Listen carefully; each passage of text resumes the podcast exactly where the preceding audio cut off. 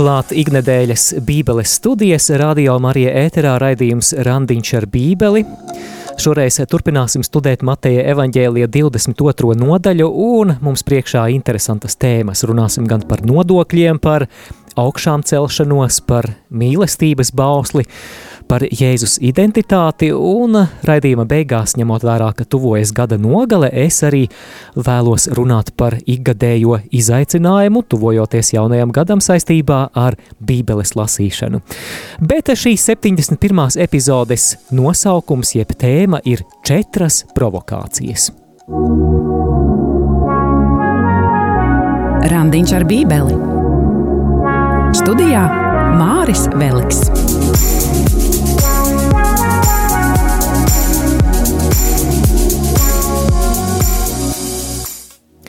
Dargo klausītāji, ja tev ir iespēja sekot līdzi šodien lasāmajiem tekstiem savā bībelē, tad jau šajā brīdī vari uzmeklēt Mateja evaņģēlija 22. nodaļu. Šoreiz mums diezgan daudz pantu. Lasīsim no 16. panta līdz pat nodaļas beigām, līdz pat 46. pantam. Bet, lai sagatavotu savas sirdis Dieva vārda lasīšanai, lai mēs spētu saņemt tās atklāsmes, kuras Dievs mums vēlas šodien dāvāt caur šodienas rakstu vietas porciju, noskaņosim savas sirdis lūkšanā. Dieva tēva un dēla un svētā gara vārdā Āmen. Mīļais Dievs! Paldies, ka mēs katru nedēļu varam pie radioaparātiem un citām skanošajām ierīcēm pulcēties, lai studētu Tavu vārdu. Kungs, mēs vēlamies, lai baznīcā un šeit pie mums Latvijā tavs vārds atkal būtu cieņā. Lai tava vārda vieta būtu pirmkārt nevis mūsu grāmatu plauktos, bet mūsu sirdīs, un palīdz mums būt ne tikai vārda klausītājiem, bet arī vārda darītājiem. Un es lūdzu svētais gars, lai tu pavairo savu spēku, savu klātbūtni, savu svaidījumu šajā raidījumā, nāc pār ikvienu klausītāju, nāc arī pār mani šeit studijā. To mēs lūdzam Jēzus Kristus vārdā, un Svētais Matei lūdz par mums. Vēlēs labāk iepazīt svētos rakstus, bet nezini, ar ko sākt? Raidījums Randiņš ar Bībeli ir tava Bībeles studiju iespēja, dinamiska, mūsdienīga un baznīcai uzticīga. Studē Bībeles grāmatas kopā ar savedēju Māri Vēliku.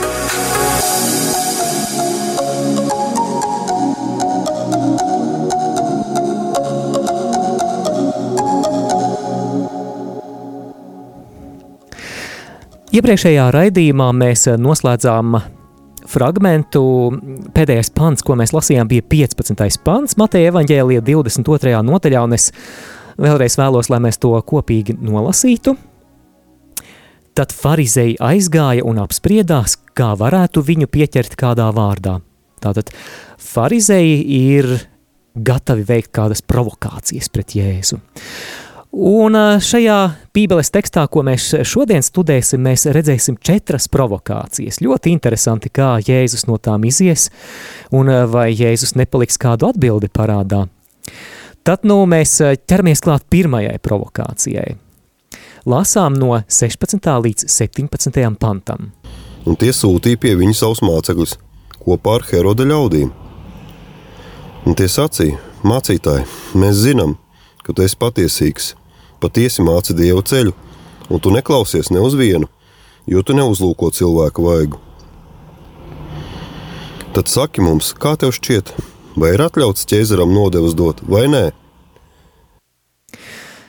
Vispirms interesanti, ka pie Jēzus nāk ne tikai farizēju mācekļi, bet arī ķēniņa Hēroda ļaudis vai citā tulkojumā Hērodieši.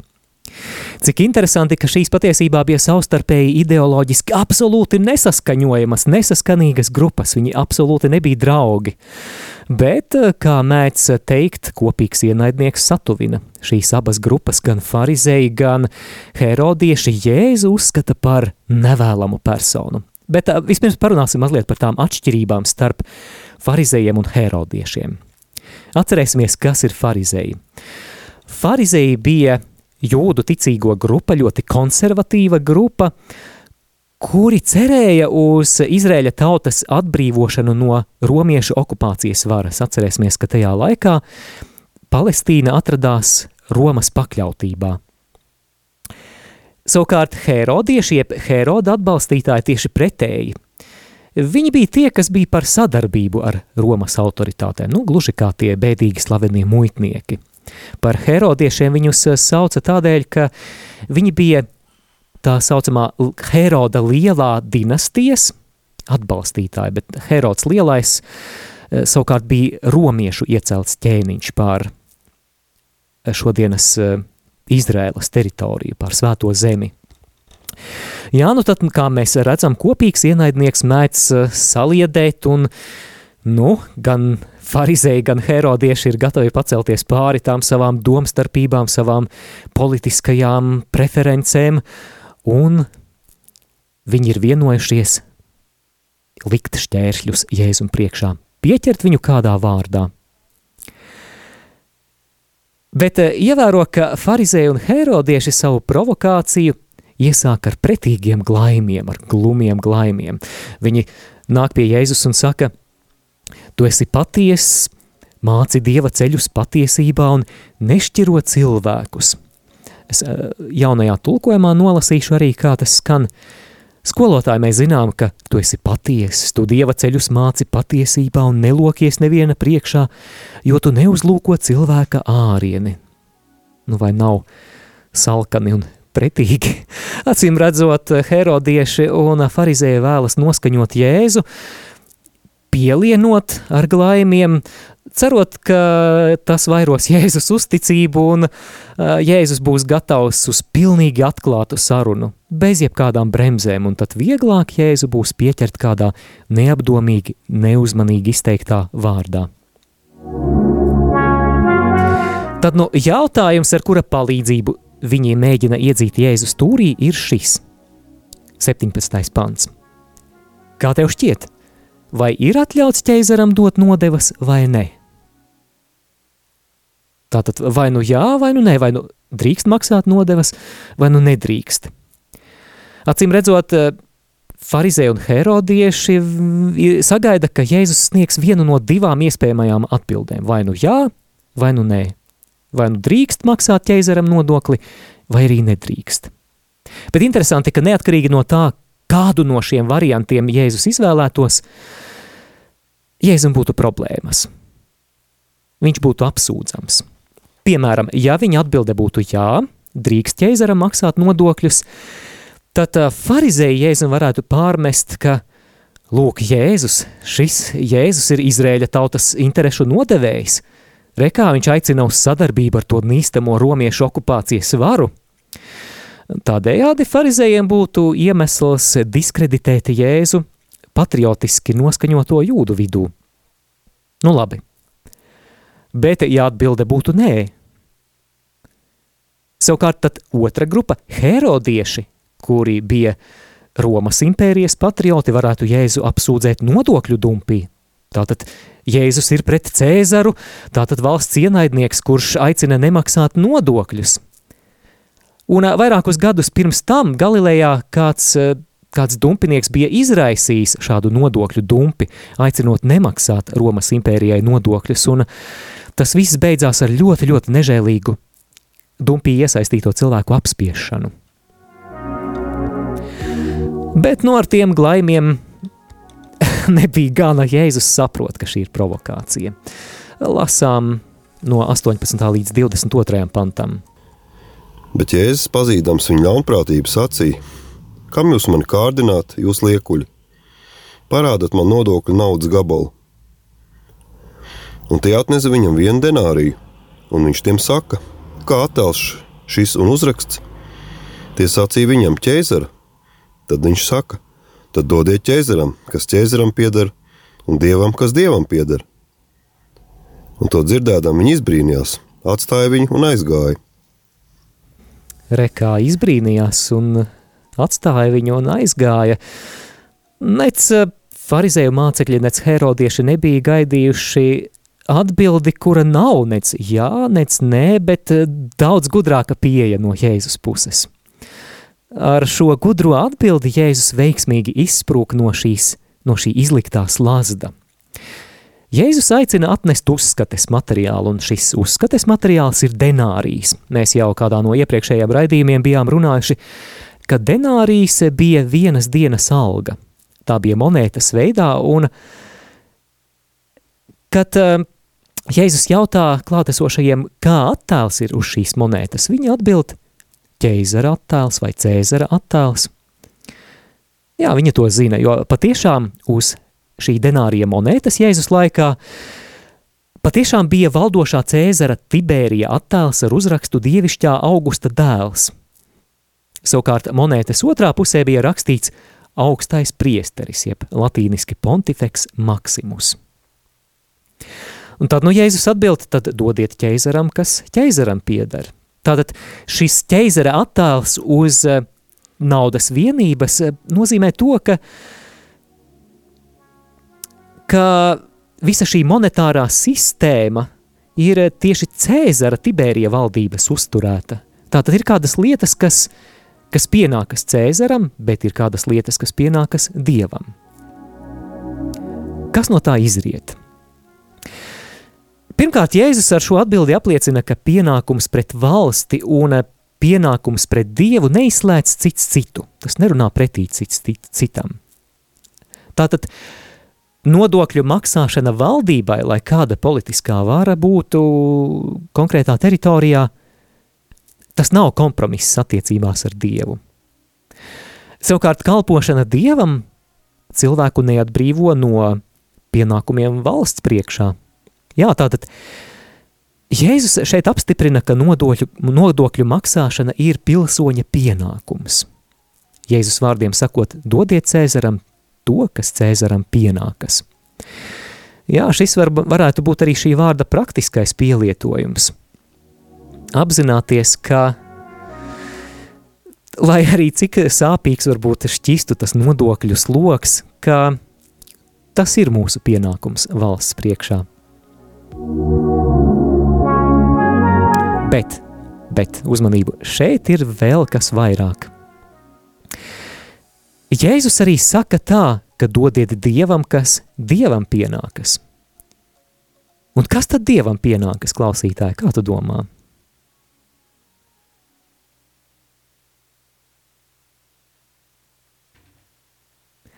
Uz kā ir Dieva attēls?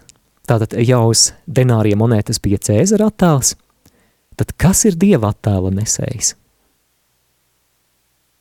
Jā, atcerēsimies radīšanas grāmatas vārdus, ka Dievs radīja cilvēku, vīrieti un sievieti pēc sava attēla un pēc savas līdzības. Tātad mēs, cilvēki, tātad tu klausītāji, esi Dieva attēla nesējs, apzinies to. Un tātad gluži kā nodokļa denārijas pienākas Cēzaram, jeb, jeb valsts varai, valsts kasei, tad Kam pienākamies mēs? Mēs esam aicināti atdot sevi savam radītājam. Tam, kurš mūs ir attestījis, tam, kurš mūs mīl. Gluži kā apustulis Pāvils vēstulē romiešiem 12. nodaļas sākumā raksta. Tādēļ Dieva žēlastības vārdā es jūs mudinu, brāļi, nododiet sevi pašus. Tas, lai ir jūsu garīgais dievkalpojums, kā dzīvu, svētu un dievam patīkamu upuri. Šajā nākamajā nedēļā arī šis varētu būt kā tāds garīgais vingrinājums, pamostoties no rīta, iesāc dienu ar krustazīmi, apzīmē sevi, sakot Dieva tēva un dēla un svētā gara vārdā Āmen, un pamēģini novēlēt sevi Dievam šajā jaunajā dienā. Dievs, es nesu tavu attēlu, es pienākos tev, un es gribu tev pilnībā piederēt. Uzdrošināsimies tā darīt. Un tad mēs eh, dzirdējām, ka klātesošie izbrīnīti par atbildi aiziet projām.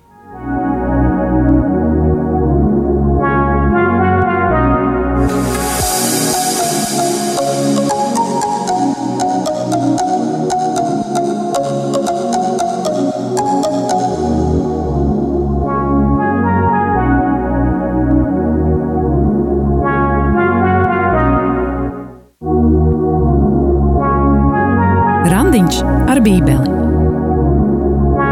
raidījuma vedējs Māris Veliks.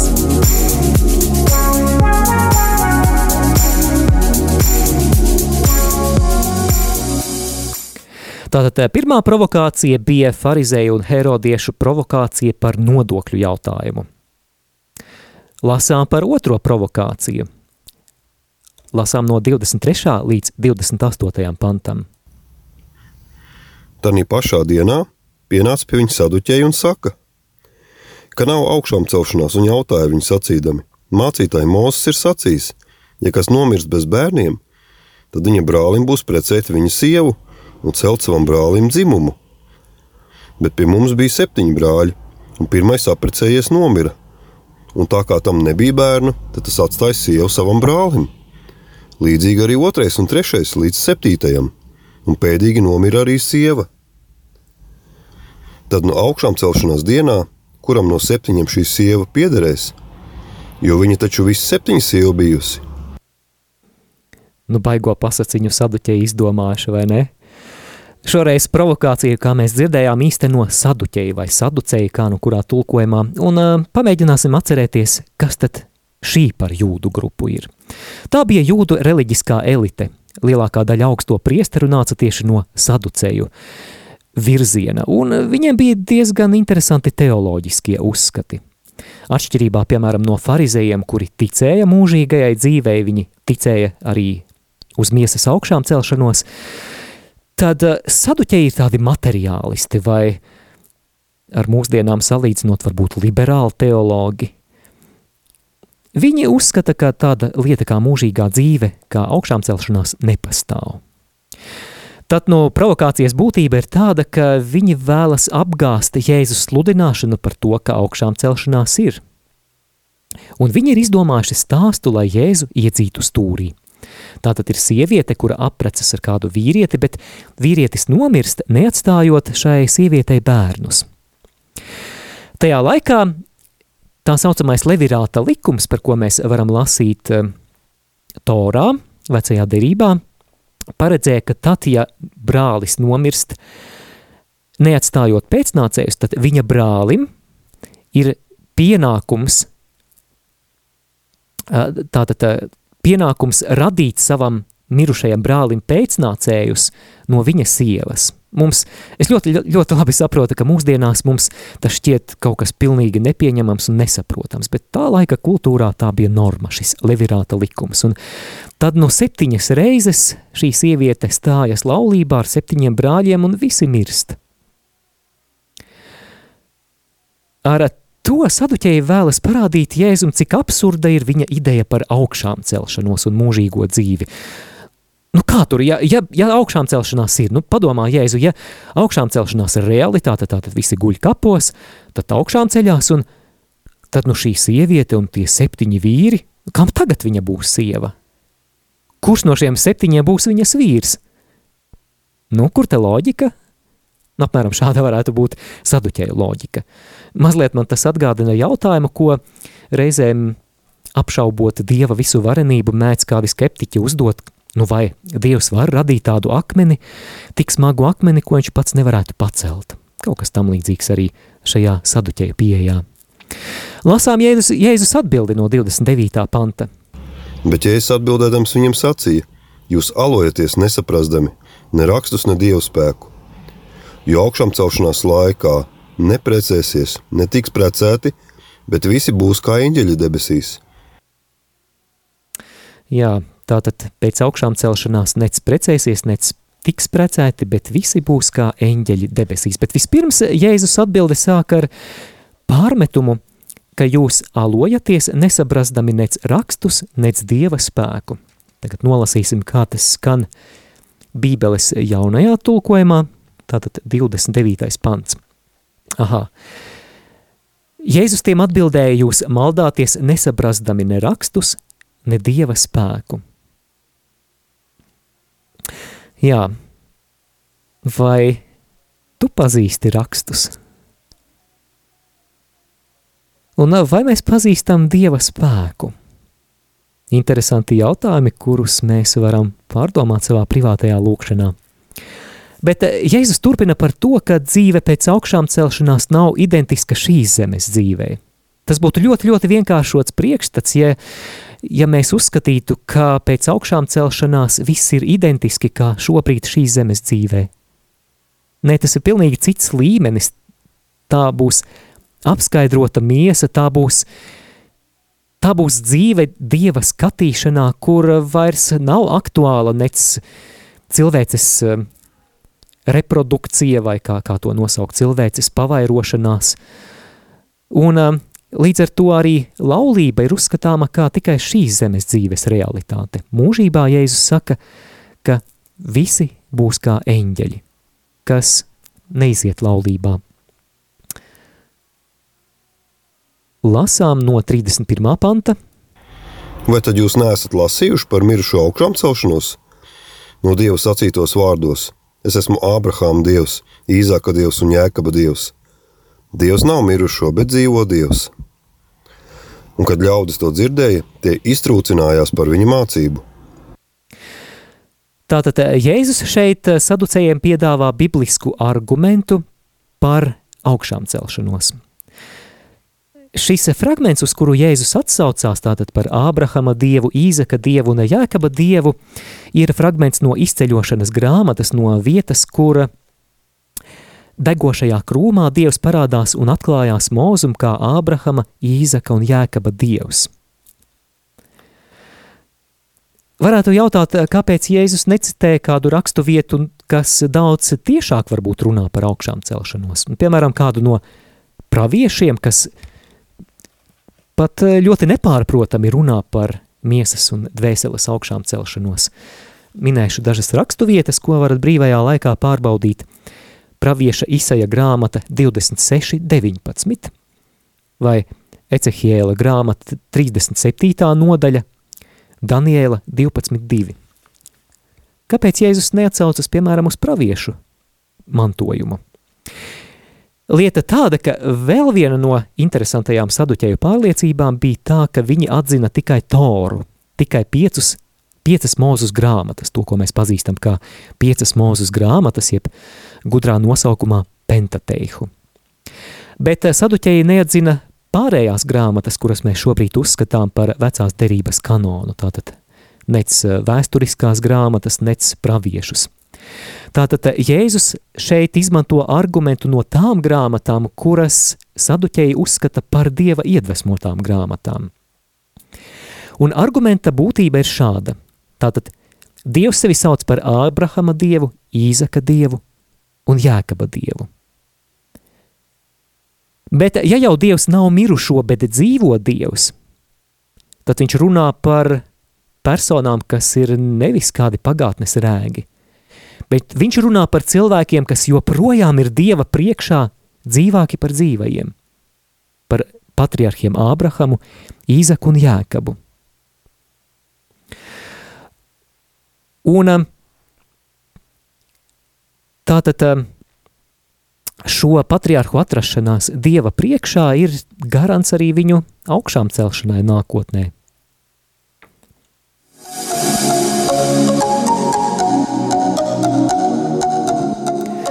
Kā šis vārds attiecas uz mums? Es domāju, ka tas mūs var rosināt skatīties uz visu mūžības perspektīvā apzināties, ka mūžīgā dzīve un augšām celšanās ir realitāte. Vai mēs par to neaizmirstam?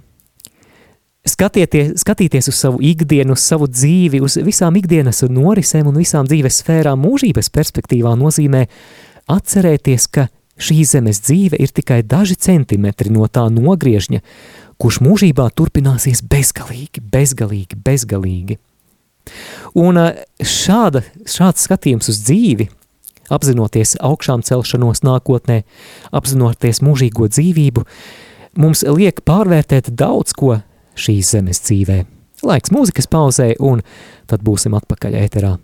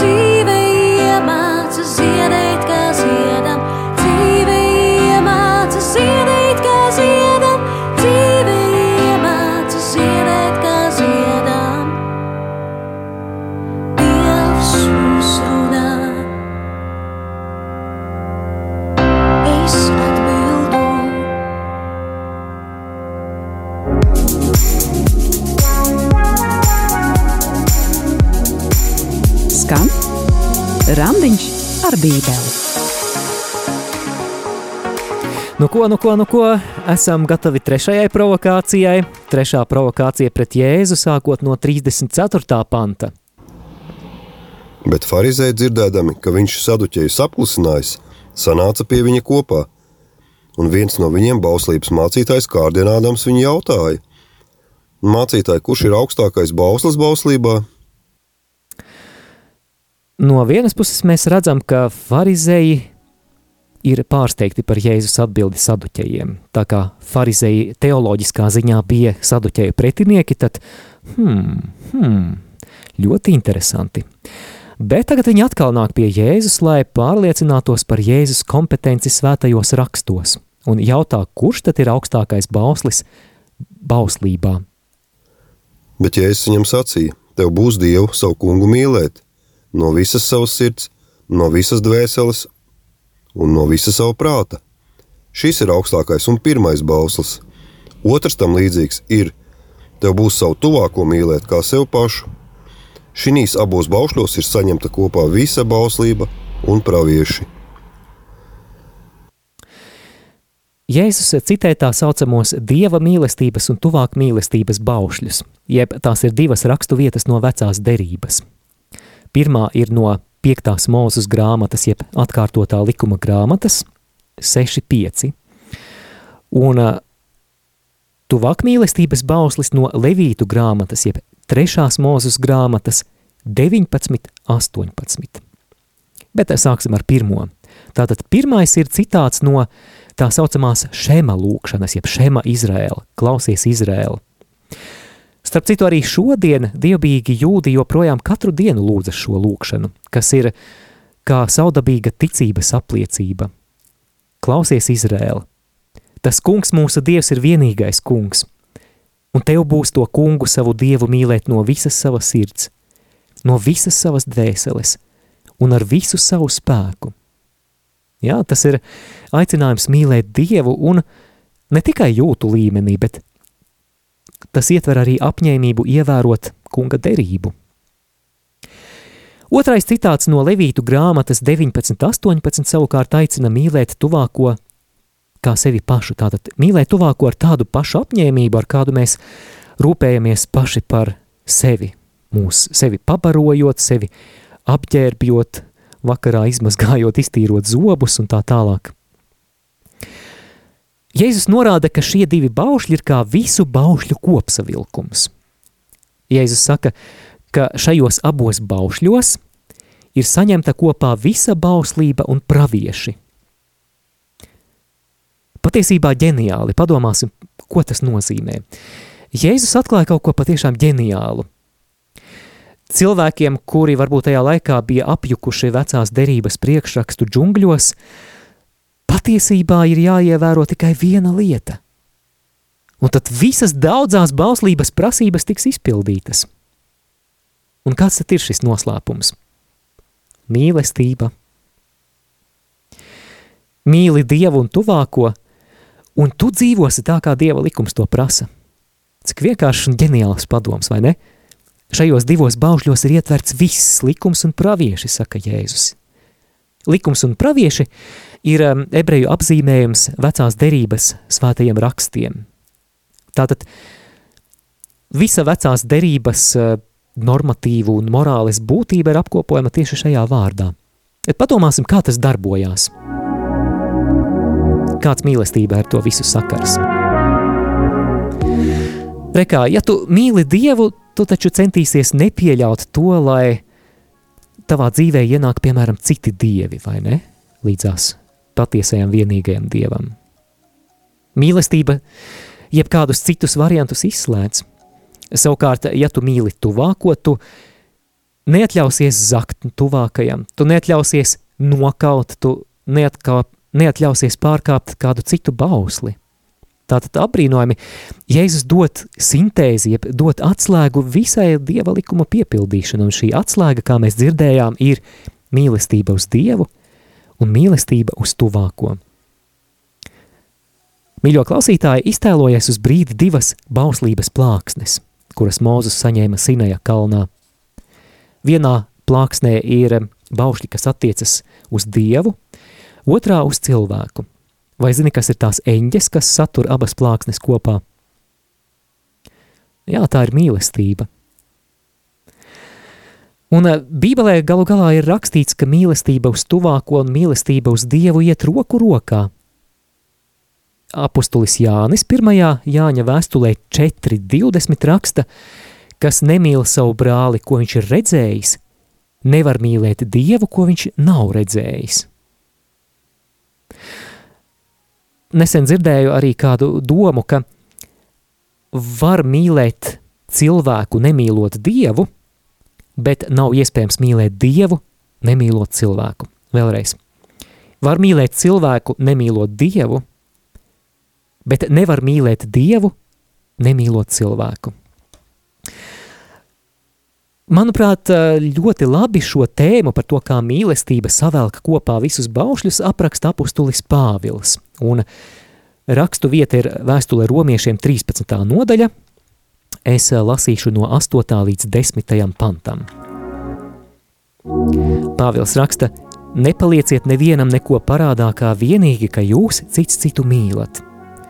Jo kas otru mīl, tas ir piepildījis bauslību – jo baušļi tev nebūs pārkāpt laulību, tev nebūs nokaut, tev nebūs zakt, tev nebūs iekārotu, un ja vēl ir kāds cits bauslis, saņemami kopā šī vārdā, proti, mīli savu tuvāko kā sevi pašu. Un ieklausieties, tad svarīga doma no Pāvila – mīlestība tuvākajam ļaunu nedara. Mīlestība tuvākajam ļaunu nedara. Tātad bauslības piepildījums ir mīlestība –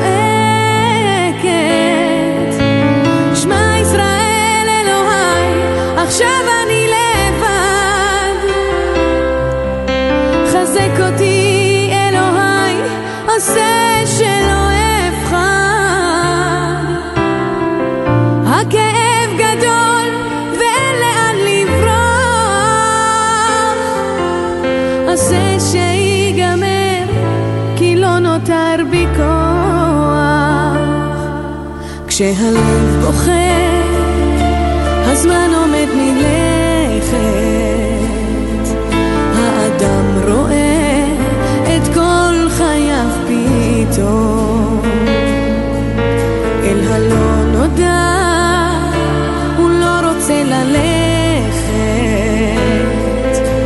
לאלוהיו קורא על סף תהום.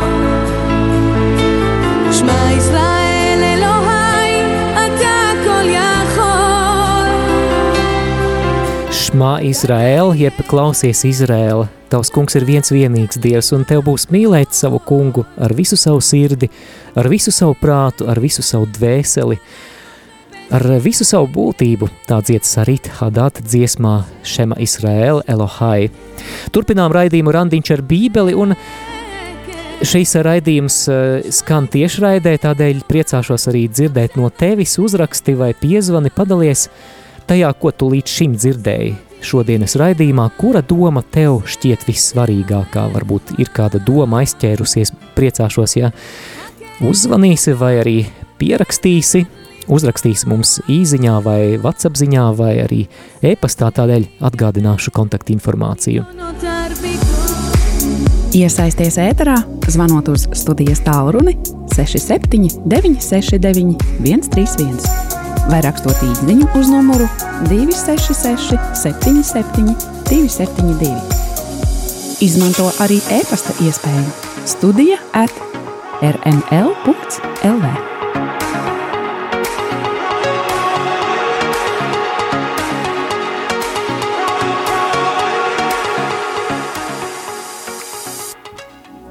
Esam aplūkojuši jau trīs provokācijas pret Jēzu Mateja evaņģēlija 20. 22. nodaļā. Pirmā bija farizēja un herodiešu provokācija jautājumā par nodokļu maksāšanu ķeizaram. Otrā bija saduķēju provokācija par augšām celšanos. Un trešā farizēju provokācija iztaujājot Jēzu par to, kurš tad bauslis Bībelē ir vissvarīgākais. Ir atlikusi ceturtā provokācija, un atklāšu kādu pārsteigumu. Šoreiz Jēzus būs tas, kurš provocē farizējus. Reizēm, domājot par vārdu provokācija, mums ir nelāgas eh, asociācijas. Mums šķiet, ka provokācija vienmēr ir kaut kas slikts, bet eh, patiesībā provokācija var būt arī laba. Kā šajā gadījumā, kad Jēzus ar kādu mīklu, ar kādu jautājumu, ko viņš uzdot farizējiem, mēģina izprovocēt, domāt dziļāk, domāt vairāk par to, kas tad ir mesijas, jeb dieva svaidītā identitāte. Tad nu turpinām lasīt 41. un 42. pantu. Kad farizēji bija sapulcējušies, Jēzus tiem jautāja, sacīdams, ko jūs domājat par Kristu, kā dēls viņš ir? Tie viņam saka Dāvida. Jā, Viņa atbild, ka Kristus ir Dāvida dēls, un tas bija vispār pieņemts, vispār pieņemta pārliecība, ka Mesijam ir jānāk no Dāvida dzimtes. Piemēram, balstoties uz apsolījumu ķēniņam Dāvidam 2. Samuēla grāmatā 7. nodaļā. Un tad nu viņa atbild Dāvida dēls. Bet, lai aicinātu viņus domāt dziļāk par šo jautājumu, Jēzus tālāk uzdot viņiem tādu kalambūru, reibusu vai mīklu – Viņš tiem saka, kā tad Dāvids viņu garā sauc par kungu sacīdams, tas kungs sacīja uz manu kungu, sēdies pie manas labās rokas, tiekams es lieku, tavs ienaidnieks par pameslu tavām kājām. Ja nu Dāvids viņu sauc par kungu, kā tad tas var būt viņa dēls? Mēģināsim saprast, ko tad Jēzus šeit saka.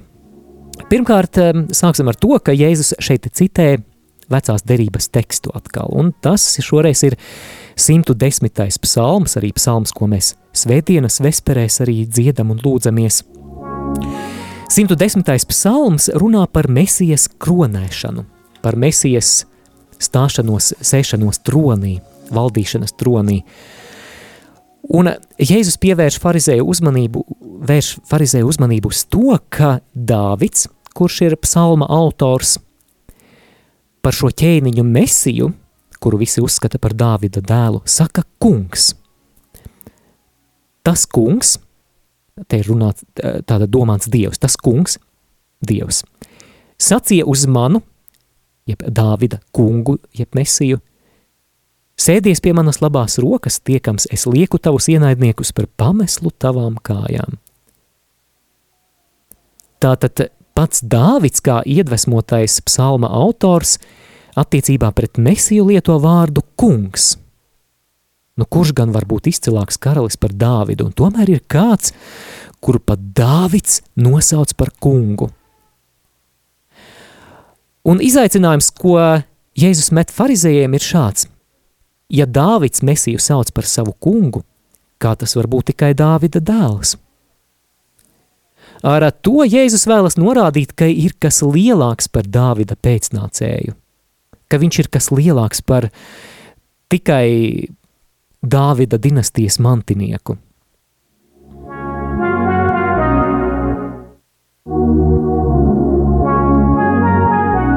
Un neviens nevarēja viņam atbildēt ne vārdu, un no tās dienas neviens nedrīkstēja vairs viņam ko jautāt. Nu, re, neviens vairs negribēja vairs neko jautāt, saprata, ka bezjēdzīgi Jēzu nav iespējams pieķert vārdos. Jēzus ir gudrāks par visiem viltniekiem, kas viņa priekšā liek cilpas. Randiņš ar bībeli. Praktisks padoms Bībeles lasītājiem. Jā, mīļo klausītāji, kā jau minēju raidījuma ievadā, es vēlos raidījuma noslēgumā runāt par gada nogales izaicinājumu. Kā katru gadu es, eh, tuvojoties jaunajam gadam, vēlos pievērsties kādai tēmai, kas, manuprāt, ir ļoti, ļoti aktuāla un ļoti, ļoti svarīga. Jaunais gads ir tas laiks, kad mēs pieņemam kādas apņemšanās, kad mēs nolēmjam, ka mēs metīsim nost lieko svaru, ka mēs dosimies uz sporta zāli, vai mēs katru dienu mēģināsim lasīt grāmatu, vai lai arī kāda būtu tava apņemšanās, tas viss ir ļoti, ļoti labi. Attiecībā uz Bībeles lasīšanu ir arī nepieciešama apņemšanās. Tu noteikti zini, cik liels spēks ir tam, ka mēs kaut ko apņemamies darīt. Bez apņemšanās, bez motivācijas un apņemšanās nav īsti iespējams eh, labi iemācīties kādu svešvalodu. Es, piemēram, spē, spēlēju ģitāru, un es ļoti labi zinu, ka bez apņemšanās eh, nav iespējams iemācīties labi spēlēt ģitāru. Es pazīstu tik daudzus cilvēkus, kuri ir iesākuši, iesākuši mācīties ģitāru un nav pabeiguši, jo kaut kur trūka gan motivācijas, gan pietrūka apņemšanās. Un tad, nu, lai nebūtu tā, ka mēs, kristieši, nelasām vissvarīgāko, visdārgāko grāmatu pasaulē, kas ir Dieva mīlestības vēstule ikvienam no mums, lai tas tā nebūtu, mums ir vajadzīga apņemšanās, un kur nu vēl labāks laiks, lai šādu apņemšanos izdarītu, ja ne gada nogale. Tādēļ arī turpmākajos raidījumos līdz pat jaunajam gadam es mēģināšu to atgādināt, mēģināšu vienkārši iedrošināt apņemties, ka jaunais 2023. gads būs tavs bībeles lasīšanas gads. Un es ar to nemudinu doties kādā bībeles maratonā vai pusmaratonā, piemēram, izlasīt bībeli gada laikā. Tu būsi ieguvējis pat tad, ja tu apņemsies dienā izlasīt kaut vai tikai dažus bībeles pantus, bet izlasīt ar mīlestību, izlasīt ar rūpību, ar cieņu. Varbūt uh, ir vērts abonēt mieram tuvu un katru dienu lasīt tos svētos rakstus, kurus baznīca piedāvā attiecīgās dienas liturģijā kā dieva vārdu. Tātad, lai 2023. gads ir tavs bībeles lasīšanas apņemšanās gads. Tādēļ savā privātajā lūkšanā, varbūt arī savā privātajā randiņā ar bībeli, tu vari lūgt Dievam, kas ir tā porcija, ko es varētu apņemties lasīt cik tad es spētu pavilkt. Vai tā, piemēram, būtu visa jaunā derība gada laikā no 1. janvāra līdz 31. decembrim, vai varbūt, kā es minēju, tiešām pa mazām, mazām porcijām, bet pārdomājot, lūdzoties ar šo vārdu. Patiešām būsim piepildīti ar Dieva vārdu, būsim piepildīti, lai mūsu sirdis ir pilnas ar Dieva vārdu, lai tad, kad dzīve uzspiež tas, kas nāk ārā, ir dieva slavēšana. Ar šo iedrošinājumu, ar šo pamudinājumu es, Māris Veliks, šoreiz no tevis atvados. Paldies par kopā būšanu, lai Dievs tevi svētī un atceries, ka raidījums Randiņš ar bībeli gluži kā uztura bagātinātājs neaizstāja pilnvērtīgu un sabalansētu uzturu, neaizstāja privātus randiņus ar bībeli.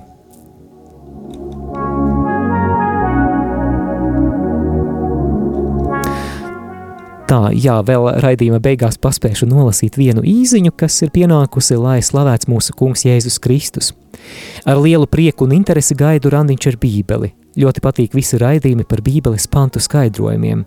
Šodien visvairāk uzrunāja par lielāko bausli. Paldies jums par atsauksmi, lai Dievs jūs svētī!